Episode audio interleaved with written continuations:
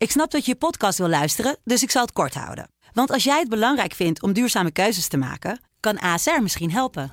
Nou hoor ik je denken, hoe dan? Nou, bijvoorbeeld bij het duurzaam herstellen van schade. Of de premies die we beleggen volgens ons duurzaam beleggingsbeleid. Dat bepaalt waar we wel en juist niet in investeren. Wil je meer weten over welke duurzame keuzes ASR maakt? Ga dan naar asr.nl slash duurzame keuzes. ASR doet het. Zo, dan kan je nu lekker naar je podcast luisteren. Dit is het Telegraafkwartier. De dagelijkse nieuwspodcast van de Telegraaf. Met Hein Keizer. Welkom bij het Telegraafkwartier van woensdag 21 februari. Met vandaag Kim Putters kijkt voor de formatie naar een Deens model. En dan bedoel ik niet een vrouwelijk Deens model. Nee, dan bedoel ik de regeringsvorm die in Denemarken gebezigd wordt. Hoe dat eruit ziet bespreek ik met Bas van Brecht. En dankzij het festivalseizoen zullen er duizenden plekken voor asielzoekers verdwijnen. Waar moeten die mensen nu heen? En komt Lowlands hierdoor in gevaar? Dat bespreek ik met Valentijn Bartels van de parlementaire redactie. Nederland stevend af op de zoveelste opvangcrisis. En uh, het lijkt erop dat het festivalseizoen daar debet aan is. Toch, Valentijn? Ja, voor een deel. Dat kun je wel zo zeggen. Want eigenlijk is het uh, de zoveelste opvangcrisis. De opvang zit gewoon prop en prop vol. Maar wat er nu bij komt het voorjaar is dat een aantal terreinen waar asielzoekers worden opgevangen dat die in de zomer en in het voorjaar nodig zijn om uh, festivals te organiseren. Nou, er zijn natuurlijk uh, contracten afgesloten, er moet voor alles worden georganiseerd. Dus die, die terreinen moeten leeg uh, worden geruimd de komende tijd. En dat betekent dus dat opvangplaatsen daar moeten gaan verdwijnen. Ja, ik heb toevallig een kaartje voor Lowlands dit jaar. Moet ik me al zorgen gaan maken? Nee, daar hoef je juist niet zorgen te maken. Want ze zijn heel strikt in hoe ze dat doen. Het punt is nu bijvoorbeeld in Biddinghuizen dat dat terrein uh, ja, in april leeg moet zijn om de voorbereidingen te gaan treffen voor die festivals. Maar dat betekent dus wel dat de tenten die daar staan nu en waar asielzoekers worden opgevangen, dat die juist moeten gaan verdwijnen. Dus jij hoeft je geen zorgen te maken, maar uh, demissionair staatssecretaris Van de Burg wel. Ja, want hoe heeft hij erop gereageerd? Nou ja, hij accepteert het, omdat hij ook al weet hoe dat werkt. Het gaat namelijk al jaren zo dat het, uh, ja, het festivalseizoen is inmiddels een, een bekende vijand voor hem geworden in die zin. Hij weet gewoon dat in het voorjaar die plekken verdwijnen. Het punt is nu wel dat je natuurlijk ook probeert in Ter Apel nu om die aantallen omlaag te krijgen, hè, omdat daar een dwangsom uh, loopt. Uh, ja, het is dus heel erg ingewikkeld dat die mensen nu ook heel kort maar naar Biddinghuizen kunnen. Toch doen ze dat nu, maar die moeten dus in april weer weg zijn. Dus ja, eigenlijk ze aan het verplaatsen, maar het probleem uh, is daarmee niet opgelost. Het voelt een beetje als een soort race tegen de klok als ik het zo hoor. Nou, dat is het ook. Ik bedoel, de rechter had natuurlijk die dwangsom opgelegd voor Ter Apel. Dus daar moesten nu maximaal 2000 mensen zitten. Ze verplaatsen dus nu weer honderden asielzoekers naar Biddinghuizen. Maar die moeten dus weer in april weg zijn. En zo blijf je eigenlijk maar schuiven met het probleem. Zoeken naar waar wel weer een bed over is. Maar ja, het is inderdaad een race tegen de klok. En het is ook het verplaatsen van het probleem. En staatssecretaris Van den Burg zei ook... dat blijft eigenlijk de komende maanden nog wel het geval waarschijnlijk. Ja, wat kun je nog even uitleggen uh, hoe die uh, dwangsom precies in elkaar zit die uh, de rechter heeft opgelegd aan Ter Apel? Ja, de, rechter heeft eigenlijk gezegd in dat aanmeldcentrum, hè, waar alle asielzoekers in Ter Apel voor het eerst komen, daar mogen maximaal 2000 mensen zitten. Dat heeft namelijk te maken met dat het, dat het anders meer overlast voor de buurt oplevert. Maar dat het ook voor asielzoekers zelf niet veilig is als daar veel hogere aantallen zitten. Dus de rechter heeft gezegd, het COA moet zorgen dat daar maximaal 2000 mensen zitten. Als dat niet zo is, uh, dan moeten ze daar iedere dag een dwangsom voor gaan betalen. Dus er is het COA veel aan gelegen en daarmee ook het demissionaire kabinet om niet meer dan 2000 mensen daar neer te zetten. Want anders gaat het ze gewoon ontzettend veel geld kosten. Uh, ja, het punt is dus wel, waar gaan die mensen heen? Want jarenlang is het probleem al hetzelfde. Er zijn gewoon geen plekken. Nergens in het land. Dus je moet iedere keer gaan kijken, zijn er nog uh, tenten met wat bedden beschikbaar? Nou, dat, die vinden ze nu de komende weken in Biddinghuizen. Maar daarna moet je ze natuurlijk weer naar een andere plek gaan brengen. Want daar verliezen ze dus in april zo'n duizend plekken, zei uh, demissionair staatssecretaris van de Burg vrijdag. Nou, waar moeten die dan weer heen? Dat blijft wel echt even een probleem nog. Ja, dat kan ik me zo voorstellen. Uh, duizend plekken, hoe, hoe, hoe, groot is dat vergeleken met nou, 2000 in Ter Apel? Maar hoe groot is dat op het geheel? Nou ja, dat is echt een enorm aantal. Als, ik, ik vroeg hem vrijdag van de Burg van wat is nu de buffer? Toen zei hij nul. We hebben geen buffer. Nou, bij sommige... Ja, dat is lekker. En bij sommige gemeenten moet hij aankloppen voor enkele tientallen plaatsen. Nou, die duizend die vallen dus weg in april. Daarbij vertelde hij ook nog een keer dat er, uh, het heet derde landers, 2700 derde landers, migranten, waarschijnlijk ook aankloppen voor asiel in april. Dat zit namelijk zo, die mensen zijn in het kielzog van Oekraïners meegekomen toen de oorlog eruit brak. Uh, maar die hebben niet de Oekraïnse nationaliteit. Dus die komen van andere plekken vandaan.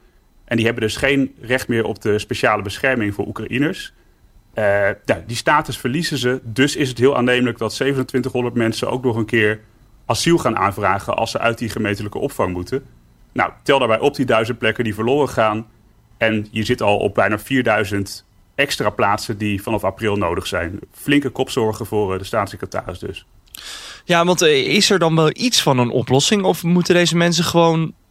Ja, uh, wat, wat moeten we hiermee? Nou ja, dit jaar is die oplossing er eigenlijk nog niet. En dan wordt het ook echt roeien met de riemen uh, die het kabinet heeft. Dat zijn er niet zo erg veel. De, van de burgers zal burgemeesters moeten blijven bellen. Van hebben jullie misschien nog ergens een terrein over of iets waar we toch mensen kunnen neerzetten? Op lange termijn is uh, die oplossingen voor het kabinet wel. Dat is namelijk de spreidingswet die is aangenomen door het parlement. Uh, daarmee kan de staatssecretaris verplicht opvang gaan afdwingen bij gemeenten. Hoeft hij dus niet meer met de pet rond, maar kan hij gewoon zeggen... Gemeente, de ene gemeente doet dit, de andere gemeente doet dat. Ja, dat is natuurlijk voor het kabinet wel de oplossing. Maar dan alsnog blijft het probleem dat die instroom echt ontzettend hoog is. En ja, ben je dus ook wel die opvang over het land aan het verdelen. Maar komen er nog steeds ontzettend veel mensen binnen. En dat, is natuurlijk, dat blijft wel een vraagstuk voor de partijen die nu aan het formeren zijn.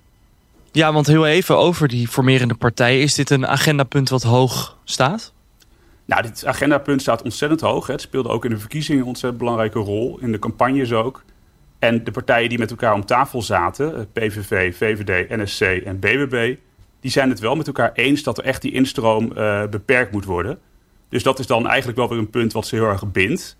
Maar we hebben ook de afgelopen weken hier in Den Haag gezien dat, uh, dat er genoeg punten zijn waar ze het niet over eens zijn. En zolang dat niet lukt, uh, ja, kun je ook niet met elkaar maatregelen gaan treffen om iets aan die instroom te doen. Dus het lijkt nog even te duur allemaal. Zijn uh, dit soort berichten nog extra, nou ik wil niet zeggen olie op het vuur, maar wordt dit, wordt dit hierdoor nog penibeler, de formatie? Nou, ik denk juist eigenlijk van niet. Ik bedoel, ik, dit bindt die partijen wel. Dus het is ook juist denk ik een gemeenschappelijk agendapunt om te zorgen dat hier echt aan wat aan wordt gedaan.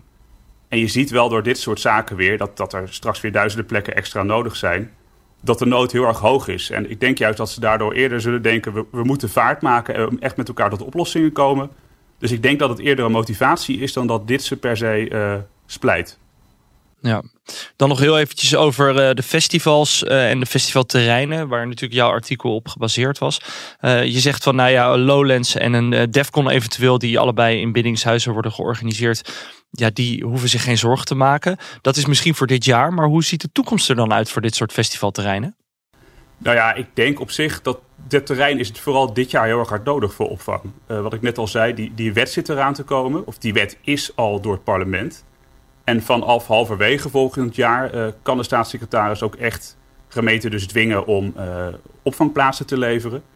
Dus dan zullen ze wel moeten. En dan heb je juist zo'n terrein met noodopvang, met dat soort tenten, die heb je als het goed is dan juist niet meer nodig. Dus dat lijkt voor de toekomst niet zo'n groot probleem te worden. Valentijn Bartels vanuit uh, Den Haag, hartelijk dank voor je bijdrage en tot de volgende keer. Ja, graag gedaan. De laatste dagen gaat het over het minderheidskabinet, het meerderheidskabinet. Maar Kim Putters komt met een nieuwe term het Deens model. En dan kan je misschien denken, oh is dat een mooi uitziende vrouw? Nee, niets is minder waar. Uh, ik spreek vandaag met uh, correspondent Bas van Brecht vanuit Denemarken. Dat Deense model, ja, waar moet ik dan aan denken?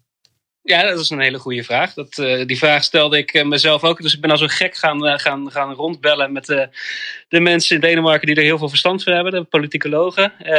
en het grappige was dat die eigenlijk ook nog niet zo van het Deense model hadden gehoord. Oh. Dat, dat kenden ze eigenlijk vooral als iets vanuit de, de arbeidsmarkt, een mm -hmm. Deens model.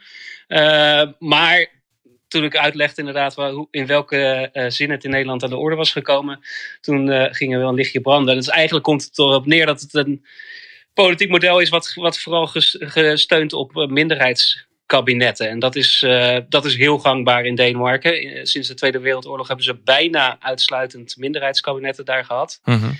En dat is ook nog eens heel goed gegaan daar. Eigenlijk is elke regering daar heel stabiel geweest. Daar hebben ze de hele periode van, uh, van vier jaar uh, over het algemeen uitgezeten. Hey, kan je dan uitleggen, want je zegt dat het berust op een minderheidskabinet. Hoe de politiek in Denemarken er dan precies uitziet. Is het vergelijkbaar met wat wij hebben? Nou, in veel, veel opzichten uh, wel. wat een groot verschil is, is, is uh, in het verkiezingsstelsel. Ze hebben eigenlijk bij de verkiezingen hebben ze het politieke veld verdeeld in, in twee blokken. Je hebt een, een rood blok, wat eigenlijk, waar alle centrum-linkse partijen in georganiseerd zijn. En je hebt een blauw blok, waarin alle centrum-rechtse partijen in georganiseerd zijn. En wat de Denen dus doen, die kiezen op een van deze twee blokken. En de grootste partij uit het blok, dat zijn vaak dezelfde partijen, uh, die gaat vervolgens uh, de minister-president leveren. En die gaat met één of twee partijen uit dat blok uh, een regering vormen. Niet met mhm. alle partijen dus. En dat maakt het dus een minderheidsregering. En vaak zijn het de partijen aan de flanken die dan niet mee gaan regeren. Maar die wel in dat blok hebben gezeten en ook over veel onderwerpen hebben, hebben meegesproken uh, in een uh, regeerakkoord op hoofdlijnen. En hoe gaat dat dan met keuzes maken? Is, zijn de Denen dan zo doortastend dat het zo makkelijk gaat in een minderheidskabinet? Nee, dat, dat, dat kreeg ik wel van allemaal uh, teruggekoppeld. Er is een, een hoop drama, er is een hoop oh. ruzie, er is een hoop discussie. Maar uh, zo werd mij verzekerd. Uiteindelijk is, zijn de Denen, uh, hebben ze een lange traditie van, van consensus en, en overeenstemming vinden met elkaar. Dus uit die discussie uh, komt dan altijd wel iets goeds. En uiteindelijk vinden ze altijd wel een, een oplossing. Dus, dus ja, voor de Denen werkt dat goed. -hmm. En hoe zou dat dan in Nederland toepasbaar zijn, denk jij? Ja, dat is een goede vraag. Die vraag heb ik, heb ik ook gesteld. En ja, daar kreeg ik eigenlijk als, als, als antwoord dat het toch wel neerkomt op het vertrouwen tussen de partijen. Dus om het in Nederland te laten werken, uh, is het belangrijk dat de partijen vertrouwen in elkaar hebben. Wat in Denemarken ook uh, heel erg geldt, is dat partijen ook op, op beleidsonderwerpen uh, coalities uh, vormen. Dus alle partijen die overleggen veel met elkaar. Alle, wetgeving, praktisch alle wetgeving gaat langs alle politieke partijen. Dus het zit heel erg in dat Deense model opgesloten. De vraag is natuurlijk of ja, dat in ons Nederlandse model uh, ook gaat werken. Dat kan alleen als er veel vertrouwen tussen partijen is en men er ook met elkaar uit wil komen. Ja, de formerende partijen die op dit moment, uh, ja, die, die, het gaat nogal moeizaam, laat ik het zo zeggen. Mhm. Waarom zou Kim Putters dan juist nu met dit Deense model willen komen? Ja, dat is, dat is een beetje gissen. Dat heeft hij zelf ook nog niet heel erg over, over uitgeweid. Maar ja, een logische gedachte uh, is denk ik het, het, het, feit dat het moeizaam gaat. En dat het maar de vraag is of het, uh, of het mogelijk is om een meerderheidskabinet te gaan vormen. En dat is ook iets wat je in Denemarken, of sowieso in Scandinavië ook veel hebt gezien. Zeg maar rond de jaren 70, de, de grotere partijen, er kwamen veel nieuwe partijen op. Uh, versplintering eigenlijk in de stemmen. Dus het werd moeilijker om een, een meerderheid te vormen. Uh, en daar zijn die minderheidskabinetten ook uh, populairder door geworden. En is het zo dat het Deense model nog steeds het Deense model is, om het zo maar te zeggen? Hoe ziet de huidige regering eruit in Denemarken? Nou ja, dat is dan wel, dan, dan wel weer grappig. Het werd door, door een van de eh, professoren werd het, het Nederlandse model genoemd, zoals ze nu in, uh, ah. Denemarken hanteren.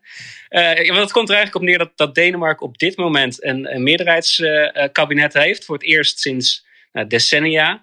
En dat heeft er alles mee te maken dat, dat uh, bij de, de vorige regering er flinke druk kwam vanuit uh, de, de rechterflank op het rechtse blok, de rechtse blokregering. En die begon eigenlijk eisen te stellen, uh, wat ervoor zou zorgen dat de regering zou vallen als ze niet aan die eisen voldaan zou worden. Daarop heeft de toenmalige minister-president gezegd: ja, daar hebben we geen zin in. We gaan voor de volgende regering gaan we voor een, een blok in het midden, voor het eerst in, sinds tijden. Uh, maar dat is tot op heden niet een heel erg groot uh, succes. Uh, de partijen die liggen inmiddels flink achter in de polls. Dus de verwachting is toch wel dat na deze regeerperiode ze gewoon weer teruggaan naar het Deense model. Het Nederlandse model weer mm. loslaten. Vanuit Denemarken, ik hoop dat het Deense model binnenkort gaat toetreden in Den Haag. hartelijk dank, Pas van Brecht. En tot de volgende keer. Graag gedaan, dankjewel. Dit was het Telegraafkwartier voor vandaag. Morgen zijn we er weer om half vijf in je favoriete podcast app of op de website van de Telegraaf. Tot morgen!